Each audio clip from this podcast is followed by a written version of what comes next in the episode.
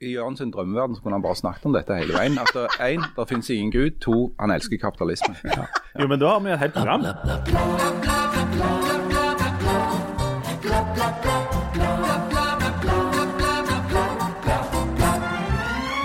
Harald har hvit måne. Han er nå friskere, raskere og vakrere, har bedre konsentrasjon og får mye bedre treningsutbytte. Nei da. Han er i ferd med å gå i oppløsning. Ellers, Janne har mista smakssansen. Jan etterlyser kulturlivet oppi alt utelivet. Og når har egentlig en samtale funnet sted?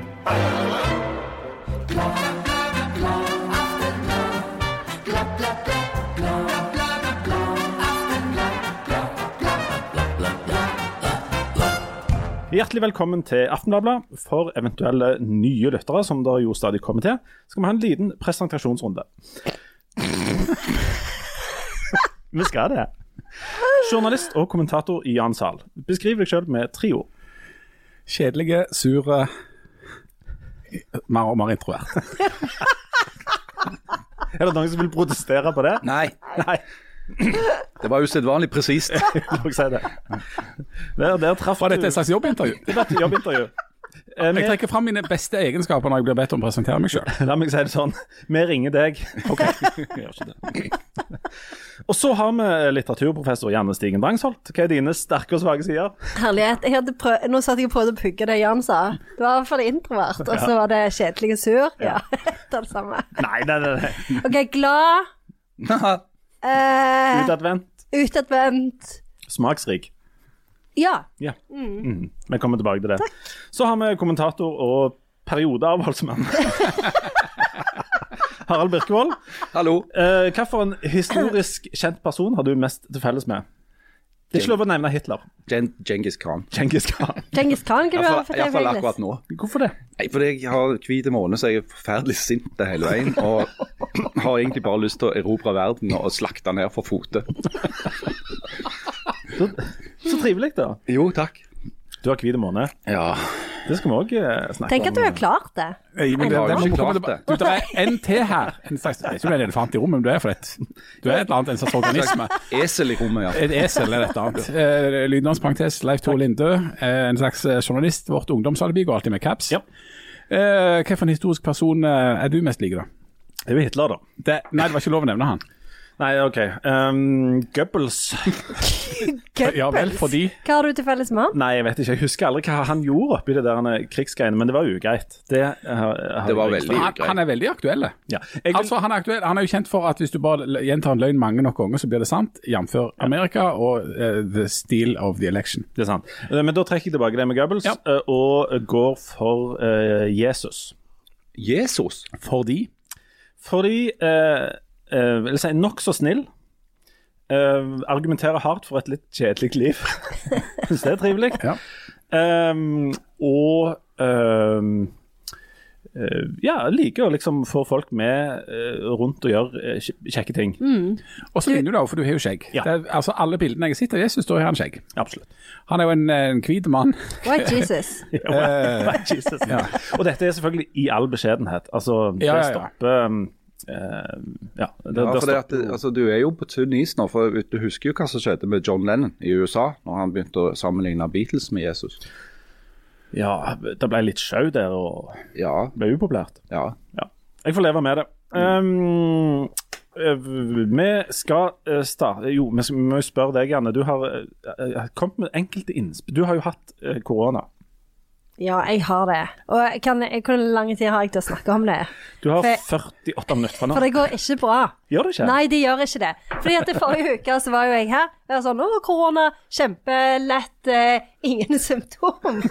og så, og det var jo på onsdag, og da var jo jeg ute av isolasjon. Torsdag fremdeles kjempefin form. Det var sånn Nå skal jeg begynne å jogge igjen. Liv, li- livet leker. Og så på fredag så ble jeg plutselig kjempedårlig.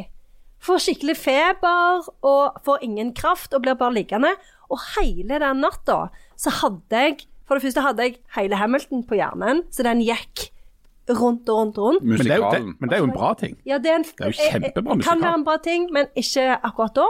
Pluss at jeg var sikker på at jeg hadde drept Harald. Det var det eneste jeg To kunne bra tenke ting.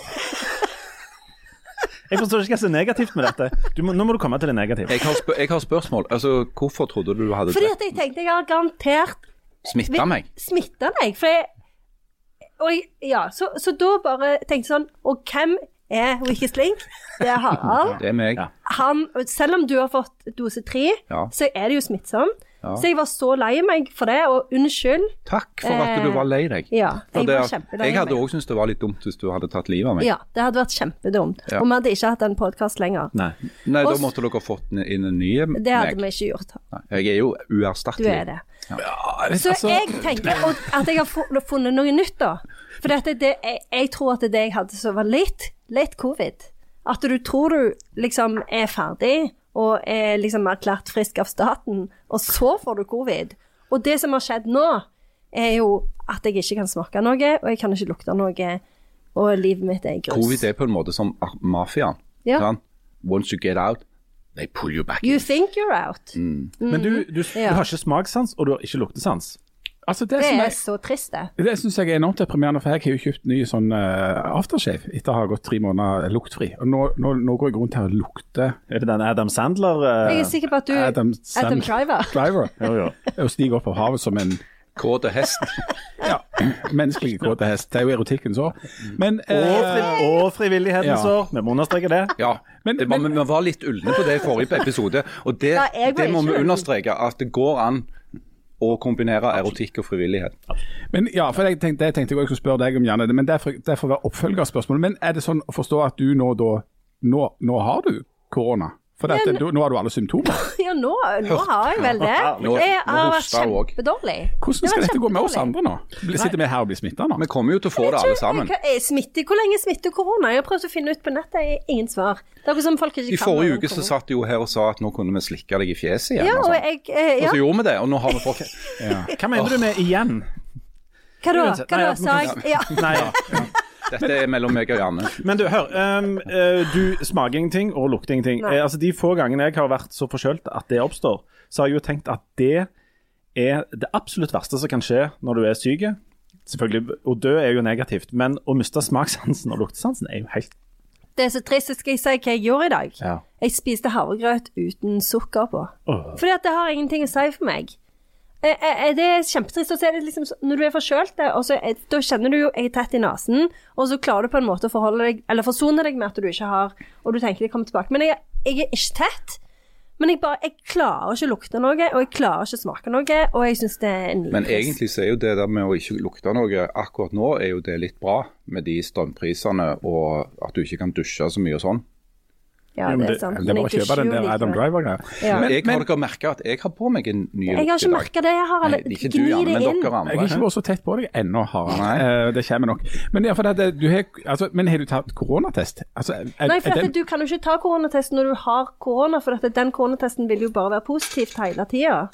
Ja, men slutter det ikke å ha korona på et eller annet tidspunkt? jeg, jeg, jeg regner med at på et eller annet tidspunkt så slutter det. Jo, jo, for Men- det at til slutt så, har, så vil du jo teste negativt når Ja. du er ferdig og har brent seg ut på en måte. sant? For du tester jo positivt i romjula, så det er jo kjempelenge siden. Ja, og jeg satt jo i isolasjon, Ja. og, og jeg var jo på en måte Etter de dagene kan du gå ut hvis du er symptomfri, og det var jeg jo. Ja. Og så får jeg symptomer. Det er late covid, og ellers er det det long covid. Men det er litt sånn mer til Long påske. covid eh, skal vi ikke snakke om. It shall not be named. Long Og dette er late covid. Og Men long covid, da? Long covid. Hva er det? Slutt å snakke. Long... Nå snakker om noe. Nå snakker vi om noe annet. Um, de lange ettervirkningene av covid. Om du ser at jeg rekker piken til Jeg ser det, og, det, og fra en kirkekjenner så syns jeg det er helt på kanten. Men, eh, men jeg tar det, tar det til etterretning. Du, å, ikke, ha, ikke ha smakssans eller luktesans, eh, hva fører det til sånn livsglede med Å, tusen Hva fører det til sånn livsglede med Jeg har ingen livsglede, OK? Jeg har ingen livsglede. Ikke engang Og- lyrikken. Hæ? Ikke engang lyrikken. Lyrikken er jo smaken og luktens eh, Det er jo det siste Det er så trist at jeg, jeg prøver liksom å holde ting inntil, og så prøver jeg å lukte Jeg kjenner ingenting. Ingenting kjenner jeg. Men du har iallfall ikke hvit måne, så ikke klag. Ja, men jeg kunne jo like så godt tatt det, for jeg klarer jo ikke å smake Du trenger jo ikke Men du- smake det, du vil jo bare ha virkningen. Jo, jo, men det er jo litt digg å smake det òg. Men jeg vil, vite mer om den der, for at jeg leste jo en artikkel i Aftenbladet om at du fikk så enormt mye bedre konsentrasjon og tilstedeværelse av å være eh, alkoholfri. Jeg òg Kan du leste den bekrefte det? artikkelen. Nei. Jeg kan jo ikke det. Jeg kan jo ikke konsentrere meg om noen ting. Men du har, du har altså bestemt deg for å ha en hvit måned. Ja. Ifra Når begynte du? Eh, 3. januar. Og du skal fortsette til 3. februar. Hvordan syns du det går? Det er grusomt kjedelig. uh, for det at, uh, altså I den situasjonen vi er i, hvor vi da sitter hjemme, kokkelurer, uh, så har jo alkoholen vært en slags eh, krykke, en, en, en hjørnestolpe i livet. det liksom gjør at du, du klarer å liksom komme deg opp om morgenen og komme deg gjennom dagen med tanke på det, sånn, det deilige glasset med herlig alkohol som du skal få. I inn i, ja, etter morgenmøtet. Nei, altså, Alvorlig talt så, så, så går det ikke så verst. Det bare, altså, det bare gjør at det kjedelige med at det er korona og at du har hjemmekontor, at det ikke er så mye som skjer, bare blir enda bitte litt kjedeligere. Ja, og jeg tror vi har snakket om det før, men når Jon Fosse slutta å drikke, så begynte han jo å legge seg klokka ni. Om kvelden. Ja, for det var jo ingenting Ja, for det. Før så han, la han seg klokka ni om morgenen. Ja. så, ja. Du, Men altså, det, det finnes jo utallige eksempler, og det, dette kan du en del om, Janne. Dette med sånn, type sånn Mange som, som var veldig gode å skrive var jo òg veldig gode å drikke, må vi kunne si. Det er jo, der er jo uforholdsmessig mange folk som drakk forferdelig mye blant de som fikk Nobelprisen i litteratur, f.eks. Eh, og vi har òg sett det innenfor rock'n'roll-musikken. Altså, Rock'n'rollere som slutter å drikke, de, de blir jo ofte ganske dårlig etterpå. Eller slutter å bruke dop, da, eller hva de nå gjør. Så jeg har alltid vært litt nysgjerrig på om det bare er tull, eller om det faktisk stemmer at folk som er veldig, en viss type folk er avhengige av liksom å bli berusa for å være, liksom, få til ting. Altså, jeg, jeg har merka det på kommentaren din, at du, du skriver veldig mye kjedeligere kommentarer nå i, i januar etter du ble edru. da. Det er jo ikke sant? Jeg skulle til å si at jeg har, Hvis du skulle bare dømt etter det du har skrevet, så har du virka som avholdsmann hele livet. Men altså Men jeg, jeg, jeg legger jo òg merke til at skrekken i livet til Harald er å bli meg. ja, det er det, det er det verste som kan skje. Dritkjedelige. Ingenting å gjøre på. Ikke noe sosialt liv. Ikke, altså, Påfallende lik Jesus. Men du, der er jo noen, der er noen Men Jesus hadde ikke to unger, hadde han det? Sånn som du. Nei, men jeg har Ikke Han var ikke gift heller, han drev bare hadde seg til litt sånn på Det var egentlig litt lite Jesus-aktig. Ja, det er det, men de, begge ungene mine ligner veldig mye på, på kona mi. Nokså litt på meg. Men du, Men, da, men, jeg, jeg, jeg vil, men eh, har, du, altså, har du ikke drukket noe siden 2. januar? Er det det du sier? Ja, ikke en dråpe. Eller jeg drakk vel inn i tredje, da. I og med at, ja, sånn etter midnatt. Men så, eh, så var det slutt. Så du drikker, nå drikker du te og Te, Brus? vann, uh, lite brus. Uh, te, vann, sånne ting. Bakke Kaffe, brød? Mye kaffe. Ja. Har begynt å bake brød for det kjeder meg så enormt. Eh, sånne ting. Eh, var ute og rakte i hagen. Eh, selv om det er januar, det er ingen som rager i hagen på januar, men, men hva gjør du ikke? Sant? For det at nå har jeg jo all denne tida til disposisjon som jeg før brukte til å, å sitte og pjalle. da. Ja. Så eh, der, i- Ifølge eh, eh, altså eh, leksikon og, og andre oppslagsverk, så er det jo noen veldig fordeler med å slutte å drikke. Ja, de sier det. tenkte vi skulle bare, ta en liten sjekk med deg nå. Altså, Den første tingen du skal oppdage når du har en, en, hvit periode, det er at du får en ny start. Og du får et bevisst forhold til egen alkoholforbruk. Ja eller nei? Uh, i- Hæ? Nei, At du føler at du liksom er, er, er Du starter på nytt og får et bevisst forhold til hva du sjøl drikker. Ja, eller ikke drikke, da. ja. Altså, ny, ny start er fordi at det bare begynner som et nytt år. Så det er jo ny start, det er bare ny start på et år. Ja.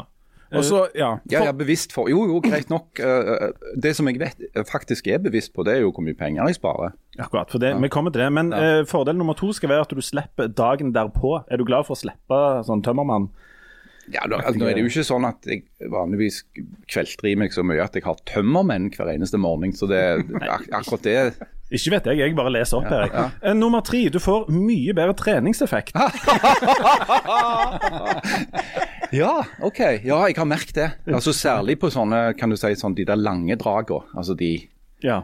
De, de Ikke så mye på Nei, ikke så mye på intervall, og sånn, men på de lange turene så merker jeg det jo. Du, fjerde fordel, du unngår mange kalorier, altså du skal bli eh, mye slankere. Dere har jo sett det. Jeg er jo som, en, eh, som en, et vidje eh, et, en, si, et siv Vidjekvist. Ja. Nei, Du kan, du kan lage seljefløyte av som noen kan blåse på til påske. Ja, jeg ser jo ut som et fenalår nå. ikke sant. Ja. Uh, fordel nummer fem, du sover bedre. Ja, det er faktisk sant. Er det det? Ja. Eh, nummer seks, du får mye bedre økonomi. Uh, ja, nei, men, men eh, jeg, har, jeg sparer litt penger på For det, at det koster jo litt penger å gå på polet og kjøpe f.eks. vin, da. Og nummer syv, litt generelt, helsa de har godt av det, sånn generelt. Ja, det, jeg tror ikke jeg har merket noe til det ennå, altså. Hvor lenge må du egentlig holde opp før du får disse effektene? Sier Nei, de noe om det? Du måtte jo et år i den uh, Aftenbladet-artikkelen. Ja, du må holde deg et det, år. Jeg snakket med en kompis på telefonen her en dag, som òg har gjort dette her. En annen gang, ikke nå. Nå drikker han. Men, men han sa at det tar minst en måned Ja, før du får sant. det ut av systemet. Altså, det, du, det er jo helt utrolig. At du har egentlig bakrus i én måned. Det er fordi det er gift, sånn formelt sett. Det er en slags gift. Ja. Ja. Det hadde jo aldri blitt tillatt hvis, hvis de hadde kommet dragende med dette nå. Se her, vi har funnet opp et stoff som heter alkohol. Hvis du drikker det, så blir du helt tullerusk eh, og får en masse helseproblemer. Du, du hadde jo aldri tillatt Men, det. men det er jo- det er jo kjempefordel da at, eh, for deg at eh, utelivet er stengt. Ja, det er kjempebra. Men kan jeg si én ting til om alkohol før vi begynner å snakke om uteliv? Fordi at De har jo hatt om det òg i den nye Sex and the City-serien And Just Like That. For der er det jo eh, den ene karakteren, Miranda, hun har blitt litt alkoholisert, tydeligvis. Eh, så det har vært mye snakk om det. At, eh, for vi har jo snakket om kvinner og alkohol i denne podkasten før. Ja. Eh, og eh, i kjølvannet av den episoden så har det vært en del sånne artikler om dette med kvinner og eh, overforbruk av alkohol. At det er spesielt mange kvinner som begynner gjerne å drikke litt mye etter at ungene har flytta hjemmefra. Eh, og da er det òg mye snakk om en sånn ei bok som hun, eh, Miranda kjøper, som skal hjelpe kvinner ut av eh, alkoholmisbruket, fordi at Eh, Det er visst sånn at eh, de der eh, Alcoholics Anonymous, som jo har eh, vært veldig sånn godt kjent for å hjelpe folk ut av alkoholmisbruket, er spesielt tilrettelagt for menn sitt eh, overforbruk av alkohol, men ikke har vært så veldig sånn retta inn mot kvinner sitt. så Derfor har visst ikke det hjulpet så veldig bra for kvinner. da. Ah, ja. Så nå er det denne her boka eh, som hun Miranda kjøper, som det blir snakket veldig mye om. For det er en sånn egen For jeg har lest det at, ut at det bekymrer de som eh, bekymrer seg for sånt. At damer har begynt å drikke mer sånn menn. Altså Mm. de drikker mye mer nå enn før. Ja, for dette, også hvis du ser for den, Det er jo typisk i januar er det jo alltid mye artikler om øh, øh, alkohol. Og i den artikkelen med de som ga på alkohol i ett år, Mm. så var det jo òg en sånn oversikt over hvor mye kvinner kan Altså hvor mye, blir, hvor mye er mye alkohol for kvinner i løpet av Mm. uke. Det var vel åtte enheter. Hvis du har mer enn det, så er det Og det er jo, det er jo For menn så er det hva da? 15? Eller dobbelt så mye, nesten. damer bør vel eh, altså Når mann drikker ett glass vin, så bør damer drikke tre kvart, liksom. Ja. Så Skjer ikke eh, hjemme hos oss, for å si det sånn. Men, men hva er det som er forskjellen på hvordan menn og kvinner drikker, da, hvis det der med AA-greiene bare fungerte for menn? Nei, det, det uh, syns jeg var litt uklart uh, i den artikkelen jeg leste. Men, men uh, det var visst dette her med at kvinner og menn drikker på en måte eh, eh, av ulike grunner, da. Sånn at eh, em, så, og, og så tåler jo kroppen det litt forskjellig.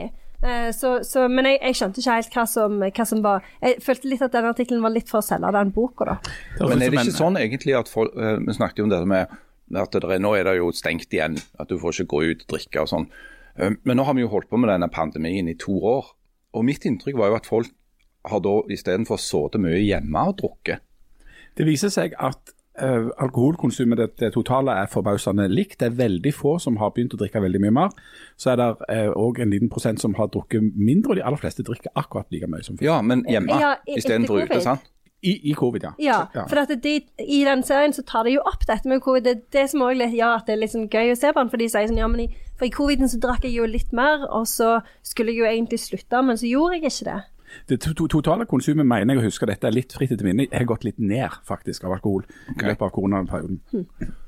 Uh, og, og Tidligere så var det jo sånn at uh, dere litt lett alkoholiserte personer gikk jo ut av huset for å drikke etter dere hadde drukket hjemme, altså i, ut i dette utelivet.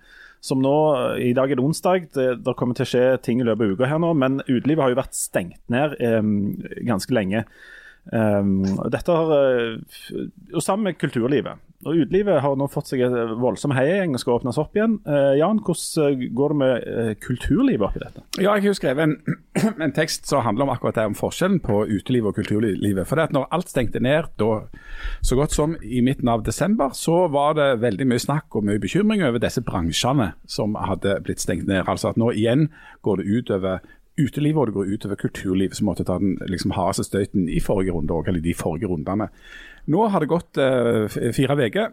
Nå er det liksom ingen som snakker om det ingen som har snakket om kulturliv, om den bransjen. Men det er voldsomme bekymring rundt omkring blant politikere, og partier, organisasjoner og i media rundt omkring om utelivet. Om de titusenvis som er ut, utenfor jobb i utelivsbransjen. og at, uh, at tiltakene ikke er forholdsmessig der, og hva er den faglige begrunnelsen, og hvordan henger de sammen og sånt.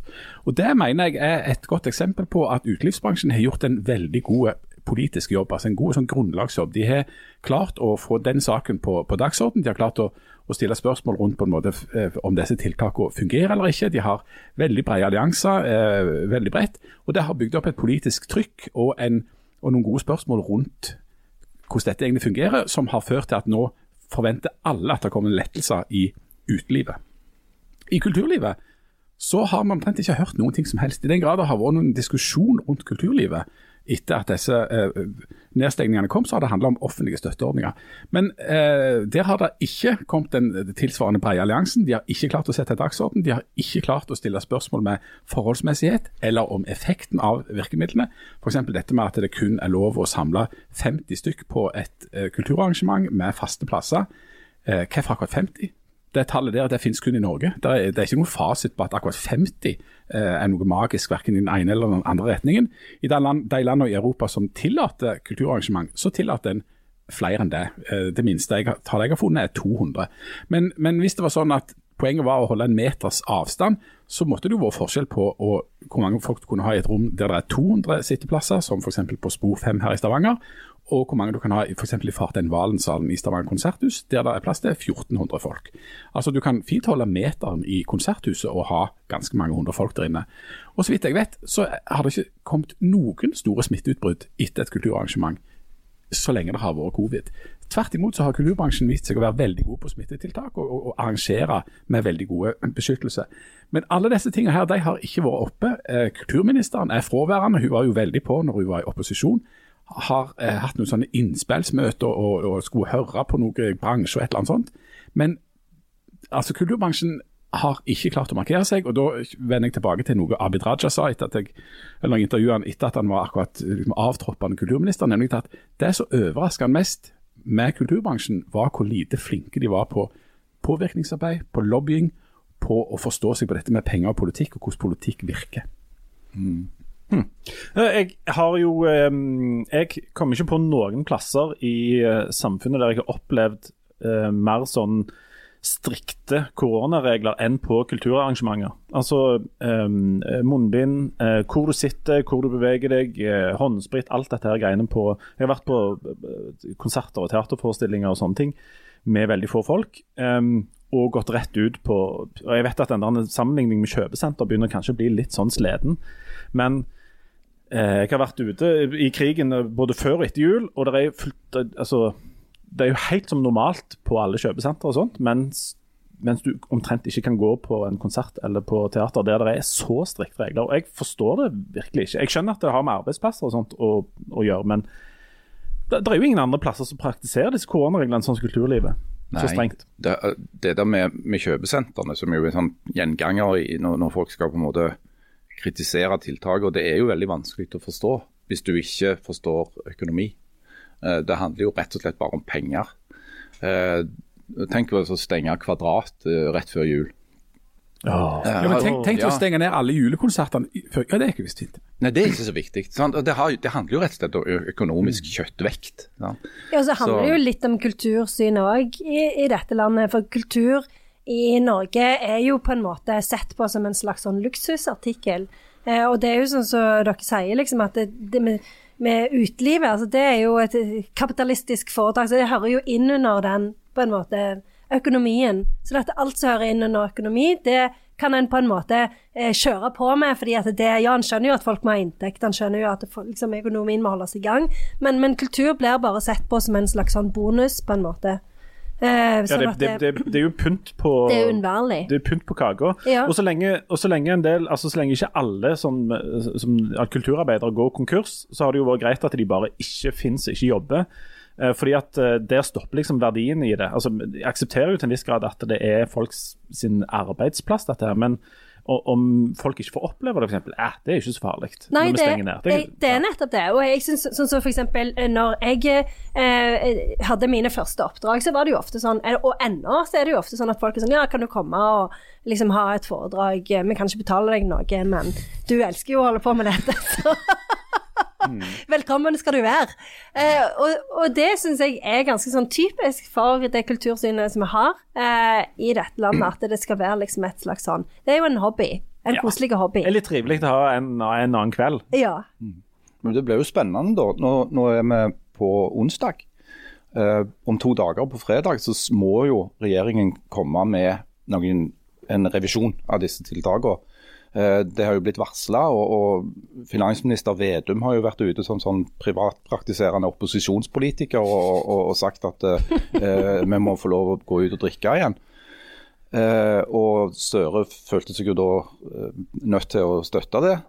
Eh, Så det har, jo blitt, det har jo omtrent blitt varsla at det blir en lettelse når det gjelder restriksjonene på eh, alkoholservering. da. Eh, Men som, som Jan helt riktig sier, så har det ikke blitt varsla noe som helst når det gjelder eh, kulturlivet. Det Men, da, da, men ja. altså, det er faktisk noen, mener jeg, da, som det er enda mer synd på enn kulturarbeidere oppi dette. her, Og er de som kalles elever. Men der òg kommer det jo lettelser. Det har de jo allerede varsla. Ja, men altså, tenk det. Tenk, altså, tenk å være, eh, si, tolv år. Ja? Da har du altså hatt, Hvis du er tolv år nå, i dag, 12 år, så har du hatt korona en sjettedel av livet ditt. Ja? Eh, og du har vært elev i en skole som har vært totalt dominert av det, disse her forskjellige eh, trafikklysmodellene og hjemmeskole og hele sulamitten. Eh, videregående lever i dag sant, som, som er på rødt nivå, det er noe som jeg tenker at når, når denne her krisehåndteringen skal evalueres i ettertid, og det må han jo, så, så vil det bli stilt noen ganske triksende spørsmål om forholdsmessigheten i å ramme. For det at hvis det er én ting som er sikkert, så er det at unger de har iallfall ikke særlig mye politisk kjøttvekt. De kan ikke gå og stemme vekk de politikerne som har, eh, har bestemt dette. her. Unger er elendige lobbyister. Ja. Altså, sånn, de, der snakker vi om virkelig om noen som du kan skalte og valte med, for det at de kan ikke ta, ta hevn ved å stemme på et annet parti. Men Jan, dette her handler jo, eh, sånn som du skriver også, om bl.a. om lobbyvirksomhet. Hva er lobbyvirksomhet, og hvordan foregår det i praksis? Og hva skal til for å lykkes med det?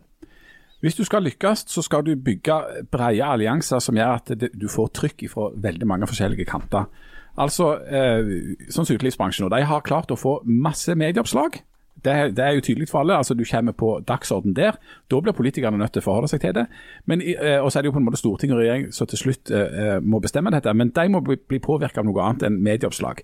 Der må det være sånn at eh, du engasjerer på en måte den lokale ordføreren fra ditt eget, altså fra partiet som sitter i regjering, som ringer inn til Rogalandsbenken eller til regjeringa og sier vet du hva, Eh, Vi har gjort noe med dette, her, for på Sandnes der, eh, der har vi ikke så mye smitte. Sånn så Stanley Virak har vært en av Arbeiderpartiordførerne som har henvendt seg og som har eh, sagt ifra om at dette må endres på. Hvis du i tillegg med ei rød-grønn regjering i tillegg klarer å engasjere fagbevegelsen, altså interesseorganisasjoner sånn som Virke og sånt, men òg LO, som jo er en ekstremt sterk eh, alliansepartner i, eh, for Arbeiderpartiet, så har du altså trykk eh, derifra òg, fra eh, ens egne. Og så I tillegg så har de klart å få opposisjonspartier, altså de som ikke sitter i regjering og som forsvarer dette her, de òg trykker på. Sånn at du bygger en, en, et trykk helt ifra grunnplanet, via interesseorganisasjoner, fagbevegelse, politisk, på alle slags vis. Hvis du klarer det, og jobber langsiktig og, og, og liksom argumenterer godt, så har du en god sjanse. Eh, Men det er omfattende og det er komplisert å få til. Hvem er gode, og hvem er ikke så gode på dette i Norge? Hvis vi tenker på yrke, yrkesgrupper og bransjer. Ja, akkurat nå så, så er jo kulturlivet ikke gode, da viser det seg. Eh, og, og, og ifølge Abid Raja så, de, så var de ikke gode så lenge han satt der. Eh, så, så det er et og annet medieoppslag, men, men veldig liten sånn grunnleggende debatt, og vi ser liksom ikke noe til det. Så det, det skal bli spennende. Det kan jo komme en overraskelse nå at, eh, at Trettebergstuen har jobbet veldig i kulissene, og at det kommer noen sånn eh, logiske greier der. Det vet vi jo ikke. Eh, men, men utelivsbransjen har vært veldig gode nå. Eh, men det er store deler av, av altså hvem som er gode. ikke Vi kan jo lure på om, om, om helsesektoren, om det er sånn eh, long game der. Det er jo et lønnsoppgjør til våren. og Sykepleierforbundet, er de gode? De er jo veldig eh, i vinden, og de snakker allerede nå om at eh, det må skje noe i lønnsoppgjøret. Lærerorganisasjonene er veldig ute nå. Det er et, et langt politisk spill der som skal munne ut i et eller annet til våren når det skal være lønnsforhandlinger. Ja, og Du merker jo at lærerne er slitne. altså Det har tatt helt utrolig på dem å drive og så endre fra gult til grønt til rødt nivå nå på det tredje år, eller hvor lenge. Tida har jo stoppet opp. Så jeg, jeg bare Denne uka, altså. Hvis det ikke blir lettelser for videregående skole, så kjenner jeg at det, da, da går jeg ut i demonstrasjonstog. Lukt, lukter du allerede Shut up! noe Du merker jo veldig godt sånn, i praksis hvem som har mest på en måte innflytelse. Når, altså når, når sykepleierne eller helsesektoren sier at det er krise, da er det krise. Altså, da er det, det er ikke noen diskusjon. Hvis de sier det er krise, så er det krise. Det, og det er derfor vi lever med de tiltakene vi har nå. Fordi det er krise i helsesektoren. Eller kan bli det. Men når lærere sier at det er krise, eller kulturarbeidere for den saks skyld, så er det ikke fullt så mye krise. Eh, Og når du spør om det, hvem er det som har mest på en måte sånn innflytelse i form av du kan kalle det lobbyvirksomhet eller påvirkningsarbeid, så, så er det jo ofte, det følger jo ofte pengene. Altså den, den aller største innflytelsen har ofte de som har aller mest penger. Eh, sånn så, Bassister og olje- trommiser, Nei, da? Oljeindustrien i Norge har enormt, enormt stor politisk innflytelse. Ikke? Oppdrettsnæringa har enormt stor politisk innflytelse, særlig langs kysten, fordi at de er nøkkelbedrifter i en haug med små kommuner. Eh, sånn at ofte så følger det jo altså LO, som, som Jan nevner, har i kraft av å være en gigantisk organisasjon med masse veldig flinke eh, ansatte, stor innflytelse. Sant? Og fordi at de har en historisk forbindelse til Norges største parti. Eh, så er det klart at de har det. Det samme har NHO og det systemet der, arbeidsgiversida i Høyre. De har sine på en måte, Du kan nesten si at de har sine partier som de bruker til sine formål. Og Det interessante med alle de som Harald nevnte nå, det er at de utgjør inntektssida i et statsbudsjett. Alle de sektorene der sørger for inntektene. Lærerne, sykepleierne og kulturlivet står for en stor del for utgiftssida. Eh, helsesektoren står jo for en enormt stor del av utgiftssida. Altså 10% av bruttonasjonalprodukt i Norge blir brukt på helsesektoren. Eh, så de har en voldsom tyngde i, i, i penger, men det er altså utgifter, ikke inntekter. Så, så, og, og det er på en måte logisk at de som sørger for inntektene, har tyngde. Ja, det- Stemmer teller, ressurser avgjør. Oi, oi, oi. Si det, en, si, si det en gang til. Stemmer teller, ressurser avgjør. Stein Rokkans legendariske kapittel, eller ja, essay fra ja. Det er veldig bra. Vi anbefaler alle å Nei, vi gjør ikke det. Vi må ta en uh, liten pause. Når vi kommer tilbake, skal vi se om vi kan få Janne til igjen å få smaken på livet. Jeg hater deg nå.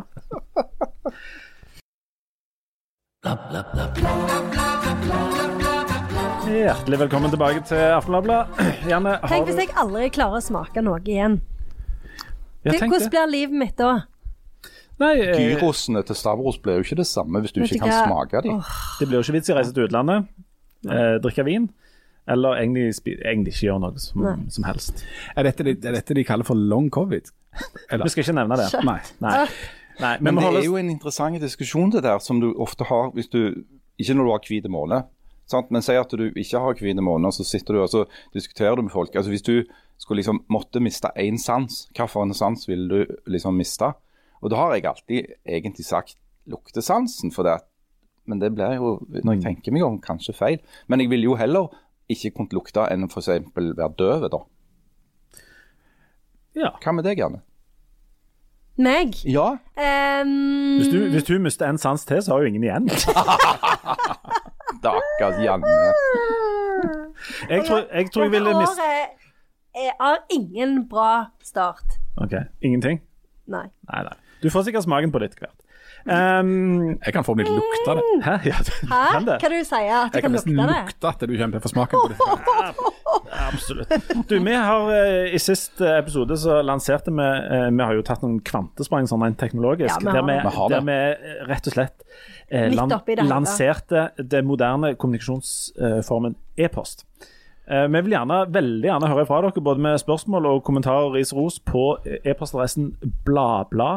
Du sier ris og ros, men det føler jeg eh, eh, Når folk sier ris og ros, de vil jo ikke ha ris. Nei, men Vi sletter jo risen, men Ja. de folk må få lov å frese fra seg hvis de trenger det. Eh, altså Adressen er bladblad i ett ord. at aftenbladet.no. Og det, og det har vist seg i løpet av den siste uka at det har vært vel så lett å sende, sende e-post eh, som å lage postkort, selv om vi faktisk har fått et par postkort òg. Vi vil jo ha postkort òg. Vi vil jo det, ja. Selvsagt òg. Men, men eh, bare for, vi må gå innom litt. Grann. Eh, først en sånn saksopplysning. og Det er jo det som er bra. Vi har jo kloke og oppegående eh, lyttere. Eh, vi lurte jo på hvorfor det bare var ni stykk i 'Mesternes mester', og det har vi fått eh, svar på, faktisk. Eh, ifra eh, en som heter Frode. Eh, det viser seg at det skulle ha vært ti stykker. Jeg satt jo òg og, og etterlyste hvorfor er det ingen fotballspillere her. Ja, Den tiende personen skulle ha vært en fotballspiller. Hæ? Lars Bohinen. Lars Bohin! Han var den Han er min favorittfotballspiller. Ja, Men han ikke han var trener for et Ja! Ja, men han var den tiende deltakeren. Men ifølge eh, Frode så fikk han altså et fristende jobbtilbud fra Sarpsborg 08. Ja. Meldte avbud, og så hadde de ikke tid til å få den tiden mannen. Så det, det, Det forklarer det. Ja. Tusen takk, Frode. ja, tusen takk, Frode. Um, Ja, tusen takk. En, en annen ting som jeg har ikke tenkt på før, men som jeg liker enormt godt når jeg får eh, innspill og, og leser ting som jeg faktisk ikke har tenkt på før, eh, og som på en måte setter i gang en ny tankeprosess, det er det at stadig vekk, eh, når vi kommer inn på det som jo er det fineste i livet for et voksent menneske, kombinasjonen erotikk og frivillighet. kombinasjonen av erotikk og frivillighet, som jo Janne elsker, så og har, ja. Men iallfall, eh, hver gang vi kommer inn på det, så driver misjonærsønn Lindøy og sier Nei, nei, dette er jo et familieprogram. Som om vi da altså ikke, skal kunne snakke om det vakreste i livet eh, som voksne mennesker kan gjøre med hverandre. Eh, fordi at dette er et familieprogram. Og da har vi altså fått et, et innspill fra Maria, som stiller spørsmålet ja, er nå dette et familieprogram. Altså, hun er 27 år. Veldig godt spørsmål, Maria. Og, ja, veldig godt spørsmål. Hun er 27 år, hun er godt over den seksuelle lavalder, og hun mener at hun må være en av de yngste lytterne vi har. Altså at vi har sannsynligvis veldig, veldig, veldig få lyttere under den seksuelle lavalderen, altså under 16 år, som ikke skulle kunne tåle å forholde seg til eh, noe av det som Men det betyr jo ikke at vi ikke kan ha en ambisjon om å ha tolv år gamle lyttere. Jeg har, ingen ambi jeg ingen ambisjon om å ha tolv år gamle lyttere. Jeg har ingen ambisjon om å være et familieprogram. og det som slett, Dette er nærmest en sånn faktasjekk. Stemmer det når Linde sier at vi er et familieprogram? Ja, altså, jeg vet jo ikke. Jeg, jeg har bare har inntrykk tenkt av at det? Nei, jeg, Inni meg så har jeg bare tenkt at vi bør lage et familievennlig program. Sånn at uh, hvis det er noen i aldersgruppa si 12-16 som har lyst til å høre på så det er jo ikke det. Men OK. Hvis det er noen der ute som vet om noen lyttere som er mellom Altså som er under 16 år, så vil vi veldig gjerne høre ifra dem. Og få vite hvem vedkommende er. Vi vil gjerne òg ha bilde av vedkommende, sånn at vi har liksom bevis på det. Eh, men den advarselen handler jo mer om sarte voksne enn om unge. Det gjør jo i grunnen det. Ja. Og, og vi står jo, eller har jeg inntrykk av, at vi har stått til dels ganske sterkt i enkelte sånne sakral-religiøse miljøer. Eh, og de kan jo være litt sarte, har jeg forstått. Så det kan jo være greit at de får en advarsel. Men hvis de var veldig sarte, så hadde de jo ikke hørt på denne grisepraten som du stundom uh, Jo, men hiver det er Tourettes. Ja, det Ok. Ja, for det kan vi tøyse med nå. Tourettes det er ikke en farlig sykdom. Nei, det kan bare holde på. Vi har jo fått et, eh, et kristent innspill òg, ja. Har vi det? Ja, eh, Et kristent innspill. en, en, en, det, var vi mye over som- Det er fra apostelen Peter. Men da er vi over i litt mer det sånn filosofiske hjørnet om, om, om den kristne tro og, og hvorfor han står Det er et tema vi skal komme tilbake til en annen gang. Men, Er det en eh, spesialepisode? Ja, det er en spesialepisode eh, eh, som vi har fått fra en tidligere pastor som lurer på en pa et par ting. Men det krever litt mer eh, tenking enn det Da vi kan vi ha, da kan vi ha uh, andakt igjen, akkurat i den episoden. Ja, det kan man Ja, kanskje. Ja, kanskje. Ja. Men du, vi har fått, eh, vi har fått to postkort Ja. òg som er, er av litt eh, spesielle slaget. Ja. Um, det ene er og det, og det likte jeg. Det er et sånn konseptopplegg. Eh, du må lese hva som står på først, kanskje. Ja, altså eh, Jeg skal starte med hva det er bilde av. Ja. Det er bilde av en stor og, og, flotte flott familie. altså med En, en barnerike familie ser dette ut til å være. Det er altså julehilsen fra eh, familien Mauritzen fra julen 2020, faktisk. Oi. Eh, ja. Som jo er en stund siden. Ja. Men, eh, men, men det er fint, det. Eh, og så er han da adressert til oss. Eh, og så står det på at om du ikke liker kortet fra oss i år, så fest på et frimerke og send det til noen Du tenker liker det bedre. Så jeg tror vi har fått få, altså videresendt Et kjede, et. Kanskje vi, jeg tror bare vi skal sende det videre, jeg. Ja. Til noen andre. Hvis det er noen som har lyst til å ha det etter postkortet, så send oss en e-post. e-post. Ja, så kan vi sende det videre. Det Og så har vi fått et, et kryptisk brev, eh, Harald. Ta det. Ja, også. vi, vi har fått et kryptisk brev, og det er uten, uten avsender. Um, Selvfølgelig. eh, ja. Jeg vet ikke helt hvordan jeg skal beskrive, beskrive dette, men altså det er da bare et A4-ark. Og øverst på det arket så er det bilde av oss fire. Et, et bilde av hver av oss. Og så antar jeg at, at de har prøvd å gjøre seg løgne med å si hvem vi ligner på, da. Ja. For ned forbi er det fire andre bilder Det er som liksom andre bilder. tilsvarer de bildene av oss. da. Ja, på en måte. Bildet av Jan. Hvem, hvem er Jan erstatta med? Smørbukk. Tusen takk. Den har du der. Ja. Og hvem er du erstatta med? Nei, det er jo alltid Det er jo aldri noen andre enn han Alec Baldwin. Det, det er det hver gang.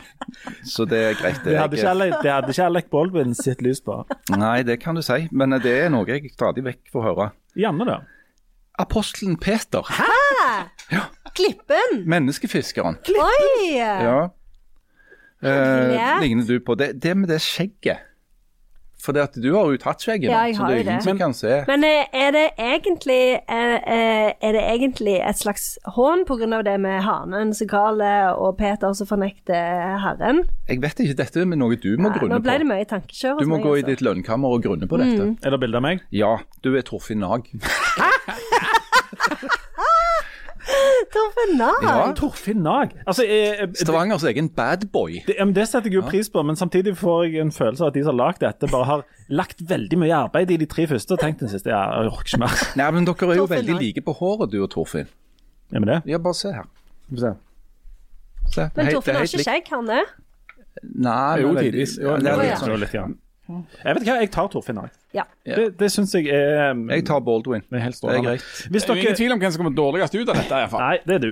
Det er deg. Det er så Smør, smørbukk, som jeg kaller deg. For så vidt fortjent. Um, vi vil veldig gjerne høre fra dere. Uh, E-post er gjerne det letteste for de fleste. Uh, bla at aftenbladet.no. Og Men vi jeg har syns jo det er litt kjekt at folk setter seg ned og gjør Ja, det så. synes jeg også. Det er jo et menneske, ukjent menneske, Ja. hei hei, som har brukt litt tid av livet sitt på å sette seg ned og lage denne, hva skal vi kalle det, kollasjen. Mm. Veldig kreativt. og det går jo òg an å sende det helt anonymt. Les opp adressen, Harald, for de som vil sende fysisk. Aftenbladblad, postboks 229, Nykirkebakken 2 eventuelt, 4000 Stavanger. 4001, 4009, 4012. Det kommer fram uansett, hvis du bare sender det til Stavanger Aftenblad i Stavanger. Og jeg har òg ambisjoner om å gå og eh, For vi har en del T-skjorter igjen. Oh, ja, har Eh, Og jeg har ambisjon om å gå og finne de. Så hvis dere som, eh, som sender inn um, har, eh, er i markedet for ei T-skjorte, så legg òg med adresse og størrelse på sånt, så skal vi se om vi ikke kan få sendt ut en del Og ikke T-skjorter. lyg på størrelsen. Si, hvis det er XXL, så si XXL. Ja, Blir ja. du sint når folk lyver på størrelsen? Åh, det irriterer meg så enormt når folk lyver på størrelsen. Det skjer hele tida. Ja. Vet du hva, jeg har en ganske god historie om det. Jeg har ei, ei venninne som var enormt eh, avstandsforelska i en brannmann. Altså, det er en del damer som har en sånn ting med brannmenn. Eh, og en gang så skulle de på båttur, og så var det hun som hadde blitt utpekt av familien til å gå på brannstasjonen og hente ut redningsvester, for der kan du nemlig få redningsvester gratis. Låne. Mange som ikke vet det, men du kan det. Og så kom hun der, og så var det akkurat han som sto og skulle dele ut redningsvester. Og da løy hun på vekten sin. For hun ville heller drukne enn å fortelle han hva hun egentlig veide, da. Og han heter Steffen. Hei, Steffen. Og hun dama det er snakk om, hun er død. Hun drukna i Lussivassdraget. Nei, Jeg syns det er ganske bra. Det er veldig søtt, da. Det er faktisk en veldig bra historie. Ja. Det er en sånn historie Janne, som får, deg, som får tilbake smaken på livet, sant? Ikke? Nei, ok. Men hva, altså, seriøst. Så, altså, du kjenner Du smaker ingenting? Ingenting. Du, du, luk, du lukter ikke at Jan lukter som en Nei. kåte hest? Jeg lukter ingenting, sånn jeg går helt inntil ting. Ikke kall meg for en ting. Um, Jeg går ikke så mye inntil folk, for jeg har jo hatt covid, så jeg har ikke lyst til å Nå står Nå står Harald dessverre og, og vifter strikkegenseren sin fra den enorme brystkassen. Ingenting. Jeg vet ikke om jeg vil dette. Nei, slutt! Oi, oi, oi. Det var det var det iallfall. Der var det mye lukt. Oi, oi, Er det den Aude toalett? Det er Aude toalett fra Dolce og Gabbana. Oi. Jeg skjønner ikke hvorfor det, jeg skulle gjerne ha lukta Dolce og Gabbana. Ja.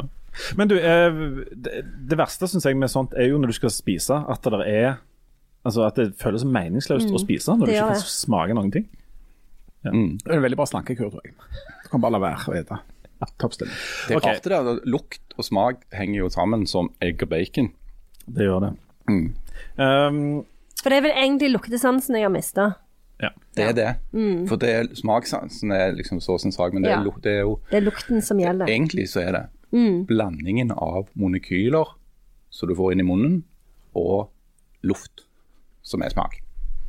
Men det har du ikke. Da får du erstatte alle måltider og all drikking med eh, den gode gamle samtalen og satse på det. Og det er jo folk som Jeg har hater samtalen. Ja. Ja, og det tror jeg Jens Stoltenberg og, og de òg gjør nå. Eh, bortsett fra at de er litt usikre på hva tid de har hatt samtale og ikke. Og dette er jo et, eh, en ganske viktig og ganske kjedelig sak.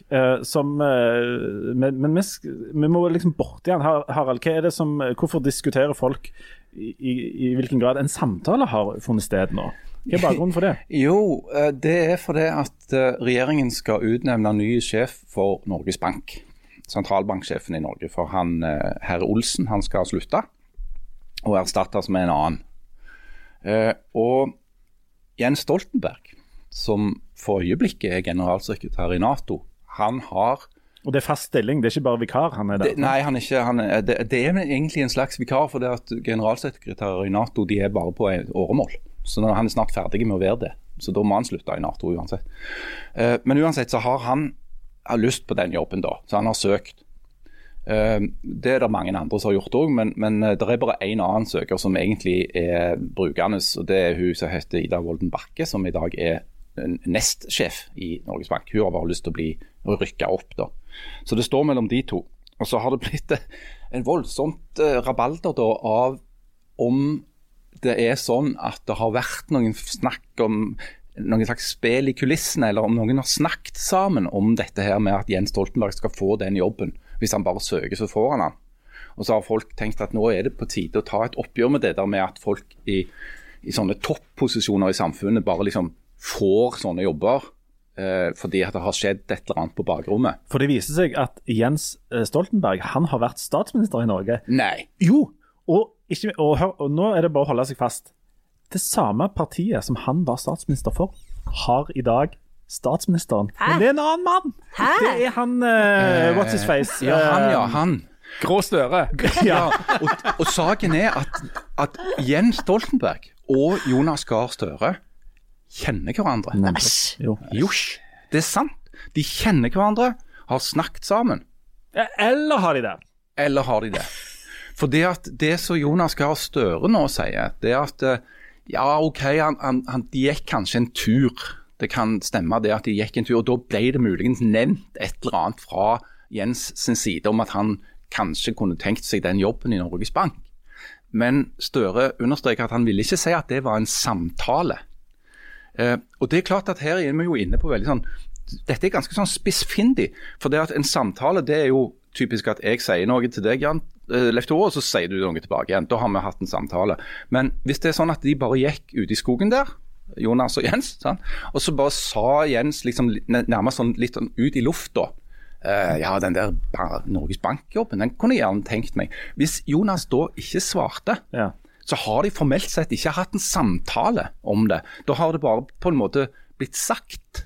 På en, som en slags at de, liksom, Jeg gikk en tur på stien og søkte Norges Bank. Ja, Og så sa han Og så var det egentlig bare en sang. Og åndebuksa lo. Dette er et familieprogram som vi prøver å holde Nei, det er jo ikke et familieprogram. Nei, men, altså, det er jo det. men uansett så er jo dette for de som jobber med språk og sånn, Janne Stigen Drangsholt, så er jo det ganske interessant. Når har en samtale funnet sted? Ja, men de har jo hatt en samtale sånn hvis de har gått tur sammen, så har de jo hatt en samtale. Så, Nei, men Han er sier at Jens sa det der, ene han sa det der Norges Bank-greiene. sant? Men akkurat da så holdt Jonas på å åpne termosen med kakao og sånn, så han liksom var opptatt med det, og så svarte han aldri akkurat på, på akkurat det der Norges Bank-greiene. av kakao. Ja, er Det er veldig herlig. Og så plutselig så begynte de å snakke om noe annet. Har de da hatt en samtale om Norges Bank?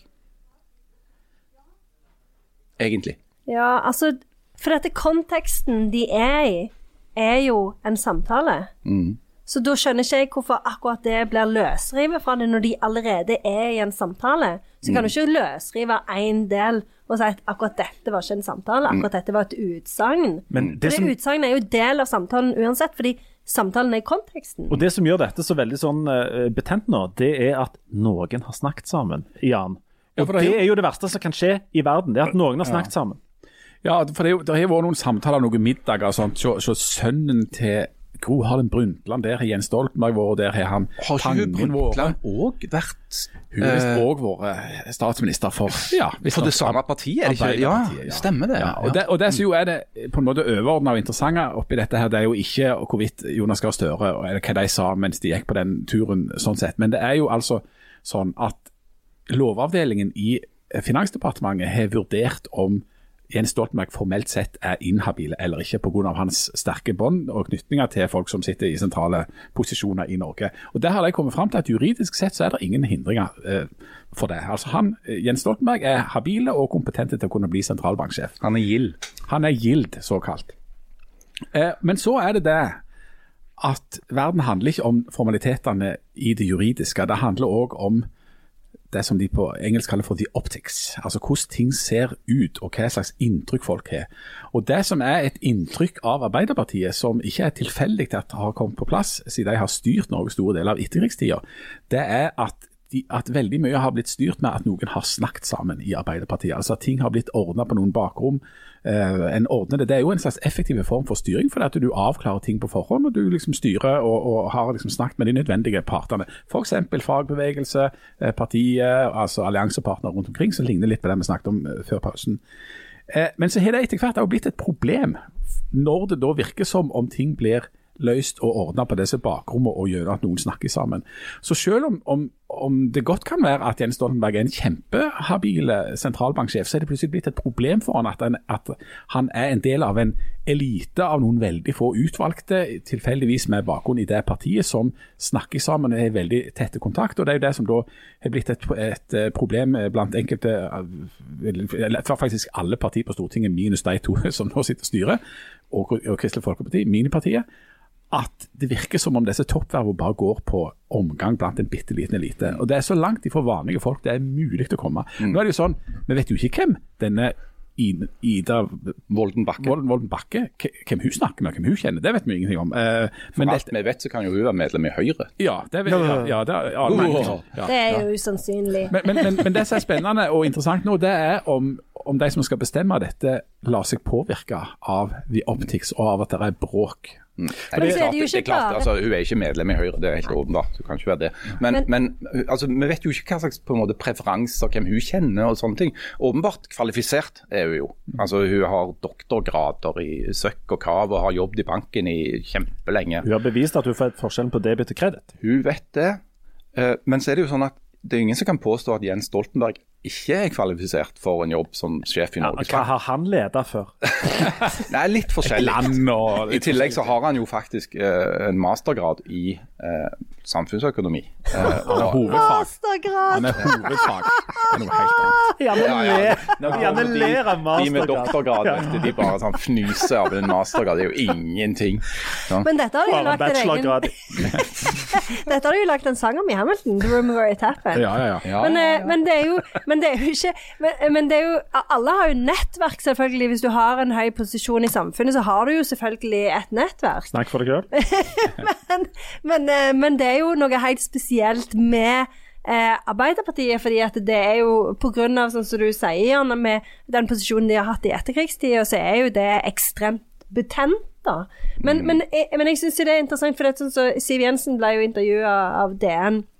Og da snakket du om dette med the optics, altså hva slags uttrykk inntrykk gir vi til f.eks. utlandet, hvis vi setter han i den posisjonen. Men jeg syns òg det er litt interessant hvordan du har liksom to leirer i denne saken. fordi at du har eh, de som sier at det, dette er null problem. Det er nesten ingen situasjoner hvor Jens og Jonas vil måtte ha en samtale i, eh, hvis Jens blir sentralbankleder. Eh, og så har du de som sier at jo, nei, dette er et kjempeproblem. De vil måtte forholde seg til hverandre hele tida, så det blir òg et problem eh, for Jens å gjennomføre denne jobben eh, i, eh, siden han er så close med, med Jonas Gahr Støre. Så, så det òg syns jeg er interessant, hvor liksom, du har to fronter som sier helt motsatte, de har helt motsatt oppfatning av hva denne jobben egentlig innebærer, og hvor tette bånd du må ha med statsministeren i landet for å kunne gjennomføre. Så har, så har vel òg altså, disse tingene og den måten ting har blitt styrt på, har jo også ført en del sånn, rett og slett konspirasjonsteorier rundt Arbeiderpartiet. At det er de som sitter og styrer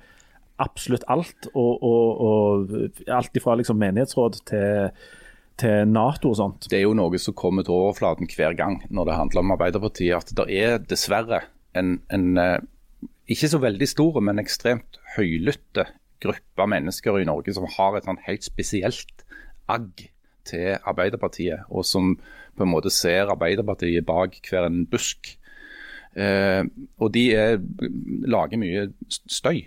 Eh, men det som er et helt faktisk, som Jan òg sa, det er at eh, i og med at Arbeiderpartiet har styrt dette landet i så lange perioder, eh, og har vært veldig, for å bruke et fint ord, altså kooperative, altså de, de, de, kooperativ mener jeg. Altså de, de ønsker liksom å styre mange deler av samfunnet ved å plassere sine folk inn i sentrale posisjoner.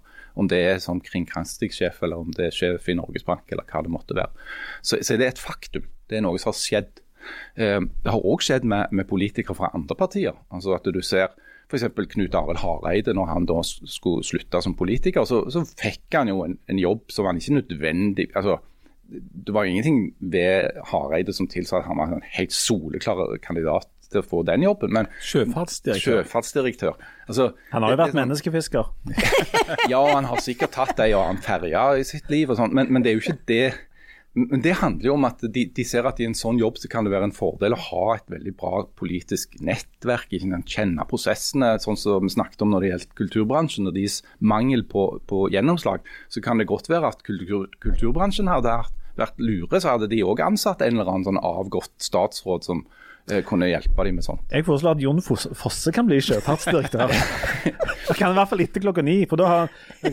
Men, ja, men, saken er, men det jeg skulle si da, det er at regjeringen Eh, det er jo de som ansetter uh, sentralbanksjef, det er ikke Stortinget. Sånn at selv om det bare er Senterpartiet og Arbeiderpartiet som vil ha Jens Stoltenberg som sentralbanksjef, så kan de gjøre det.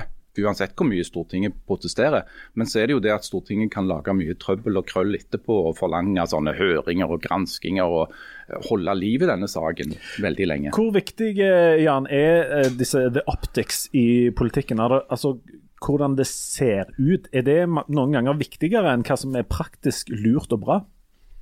Det er ganske viktig, for at Jobdik setter veldig dagsorden. sånn at de, en, en, blir nødt til å forholde seg til det. Og Så handler det til slutt litt om, sånn, om å holde ut og bestemme seg for om en vil betale den prisen for. Det er veldig mange ting som, som gir en sånn optikk som ser at det blir bråk og at det ikke går så bra. Og Så er det summen av det som til slutt spiller inn. Og Nå er vi jo i en situasjon der det er et veldig sterkt press, veldig mye styr på dette. her, Veldig sånn kampanjeaktig. Men det er liksom to kampanjer. Den ene er liksom veldig sterkt for Jens Stoltenberg, og den andre er veldig eh, kritisk til dette. her da. Men så er det sant, hvordan, hvordan gjør en det når det da er sånn at eh, alle meningsmålinger nå viser et, liksom at dette er den regjeringa som har hatt det bratteste fallet i popularitet noensinne, omtrent av noen regjering. Eh, vil den regjeringa i den situasjonen de er i nå, eh, bruke enda mer politisk kapital på å gjør en, den typen ansettelse. Eller vil de ikke det? Og Det er ikke så godt å si. Det interessante er jo at eh, alle som mener sterkt om dette, sitter jo ikke verken i noe slags ansettelsesutvalg eller har veldig sånn god innsikt, eller ikke så jeg vet iallfall, i på en måte det rent sånn jobbinstruksmessige som ligger å være sentralbanksjef. Jeg vet jo ikke hva på en måte de som har intervjuer der legger vekt på, eller hvis du er ekspedisjonssjef i, i finans, hva det liksom, er det går i dette? Det, det, vet, det vet, jeg jo fint lite om. Men de ble jo sikkert bedt om å si tre positive og tre negative ting om seg sjøl. Ja, ja, ja. Og, kan, ja, ja. og hvor ser du deg selv om fem år? Og sånn. Ja. Og så hvis du har noen, ja, Om du har noen negative sider, så skal du snu det til noe positivt. da. Ja, nei, jeg, er kanskje for nøyaktig. Ja, for ja. Jeg er for dårlig til å si nei. Ja, ja, ja. Hvordan er du til å jobbe individuelt i team? Jo, det er, en av mine, det er faktisk en av mine styrker. Ja. Klarer du å smake forskjellen på disse tre tingene? Klarer du å smake forskjell på rødvin og hvit? Det var stygt sagt akkurat nå. Ja, det var, det var, det var, det var, det var veldig ufint. Um, jeg trodde regelen for sånne sentralbanksjefer var at de måtte være fra Finnøy. Ja, men gikk det i hvert fall. Tradisjonelt sett Svein har det Gjedrem vært det. tenker du på. Eh, Bare én? Vi har bare hatt én fra Finnøya. ja. Ja. Det var en Svein Gjedrem. Akkurat. Men eh, hvis vi skal snakke om optikk, så er det jo òg relevant at eh, dette er eh, en mannlig og en kvinnelig søker. Og det er jo òg noe som Det er mange har trukket fram, at det, kanskje en bør bruke anledningen når man har en kvinnelig søker som er godt kvalifisert til denne jobben, og som har Og så knuse patriarkatet en gang for alle. Ja. Eh, det syns jeg ikke Det synes jeg er helt Jeg er enig, for det at hvis vi hadde fått kvinnelig sentralbanksjef, så kunne det ha bana vei for andre gjennombrudd. Da kunne vi på sikt kanskje fått kvinnelig statsminister, kvinnelig finansminister, finansminister. Ja. stortingspresident, Forsvarsminister. utenriksminister, forsvarsminister, sånne ting. Damer Så som jeg er føder. enig. Jo, men vi har jo ikke hatt kvinnelig sentralbanksjef før. Vi har heller ikke hatt en kvinnelig uh, vinner i NM i hopp for menn. Er det sant? Ja, jeg bare nevner Knus, det. Ja, det, det kan ikke stemme. Jo, det stemmer. Glasstaket er til stede i hoppsporten. kunne begynt å, å eksperimentere med kvinnelige professorer. Ja, det hadde vært helt sprøtt. Jeg er helt enig. Men um, Jeg tenkte kvinnelige sjefredaktør, f.eks. å, Nei, jeg herlig Ja, grep. Gud fri. Ja, det, hvis, Da hadde hadde det bare blitt sånn føling i fjæra. hvis den dagen kommer, så kan jeg i hvert fall låse døra etter meg. Det er bare Så mye kan jeg si. Ja. Siste mann slukker lyset. Hallo, jeg heter Kristin. Jeg skal være sjefen din. Ja da. Lykke til med det, det. er en grunn, det er en grunn til at det heter vitenskapsmann. Nemlig. Det er akkurat det det er. Ok, Nei. Er vi ferdige nå? Men, men, men, men, men, det, men det er jo Men, men jeg syns det er en blanding Jeg ser det sånn litt rart og egentlig litt trist at hvis det med sentralbanksjef skal handle liksom om kjønn altså Noe av det som vil være dumt for hun Ida Jeg blander alltid om det er Bakke Volden eller Volden Bakke. Volden Bakke. Volden Bakke. Det at det er så lite altså når, når alt handler om Jens Stoltenberg Hvorfor er det liksom Det blir veldig lite snakk om hun, og når det blir snakk om hun, så blir det liksom Så er det litt om Ja, hun har eh, doktorgrad i dette her, men så er det jo dette kvinneelementet. Altså, hun er hun er jo åpenbart kvalifisert. Hun er helt åpenbart kvalifisert. Men, men, men kjønnet hennes er jo nokså lite relevant her. Jo, jeg. ja. men du det med kjønn er- jo ikke lite relevant, fordi det har jo faktisk ble diskutert hele tida. Men har det noe å si for ikke- ut, utførelsen av, Nei, av selvfølgelig. rentefastsettelse? Slags kjønnsorgan du er? Ja, jeg vet jo ikke, jeg. Jeg, Nei, ja, ja, jeg, har jo ikke erfaring med den jobben. Kanskje, det du, har du burde søke. ja, men jeg, la meg bare si det. For det, det som jo er interessant, er at det har jo vært diskutert i forskjellige retninger. Sånn, på den ene sida så er det jo mange som, bl.a. Siv Jensen, mener jo, men vi bør faktisk bruke eh, denne anledningen når vi har en gjennomkvalifisert kvinnelig kandidat, så bør det eh, så bør vi ta henne. Men Eh, vet, men- du vet men- jo at Siv Jensen sier det bare for å plage Ap. ja, ja, men det kan være. Men, men poenget er at det er jo òg noen som holder det mot hun, eller som sier at ja, men, eh, det, nå er det jo et problem hvis hun får han, for da kan jo folk si at ja, men hun fikk han bare fordi hun var dame.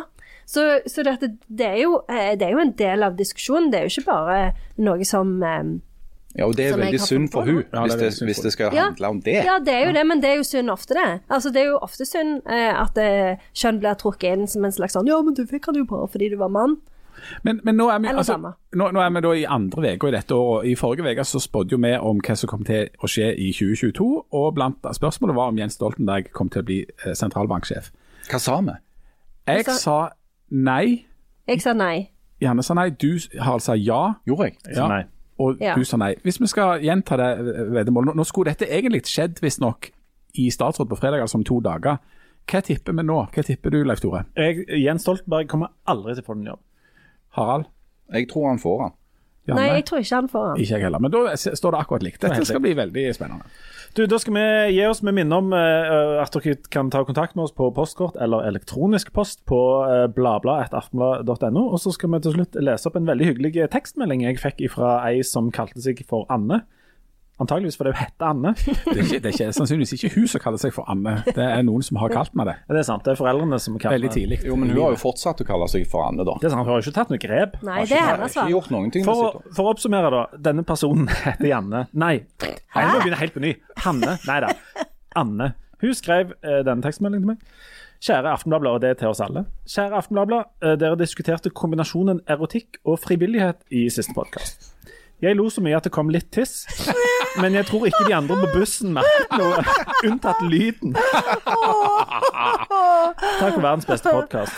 Å, det var en kjempefin melding. Jeg syns det er veldig, veldig enormt sterkt og hyggelig å tenke på at det sitter der ute, folk der ute og tisser litt på seg på bussen mens de hører på oss. det Mm, jeg syns er jeg er. Det varmer hjertet mitt, og det varmet nok òg det stolsetet som hun satt på på den bussen. Ja, ja, for en stund, men så blir det kaldt. Det er. Det er det som er med å tisse i buksa. Og det kan du notere deg, Anne. Det var, det, det var en god idé der og da, men i lengden. Akkurat som covid. Det er en, der er en pris å betale. Det kalles for long covid. Åh, det er ikke long covid jeg har, det er late covid. Men Long si longer at, late. at du har long covid. Det er ingen grunn til at du ikke kan ha begge deler. Nei, jeg har ikke long covid. Men hvis jeg hadde hatt det Men du det kan fortsatt få det. Ja, Ja, ja, ja, det er aldri for seint for long covid. jeg skjønner ikke hva som er greia med covid. Jeg syns det er helt Det er unødvendig. Ja, helt unødvendig. Jeg vil helst ikke ha det. Så du ville bare latt være å få det hvis du kunne?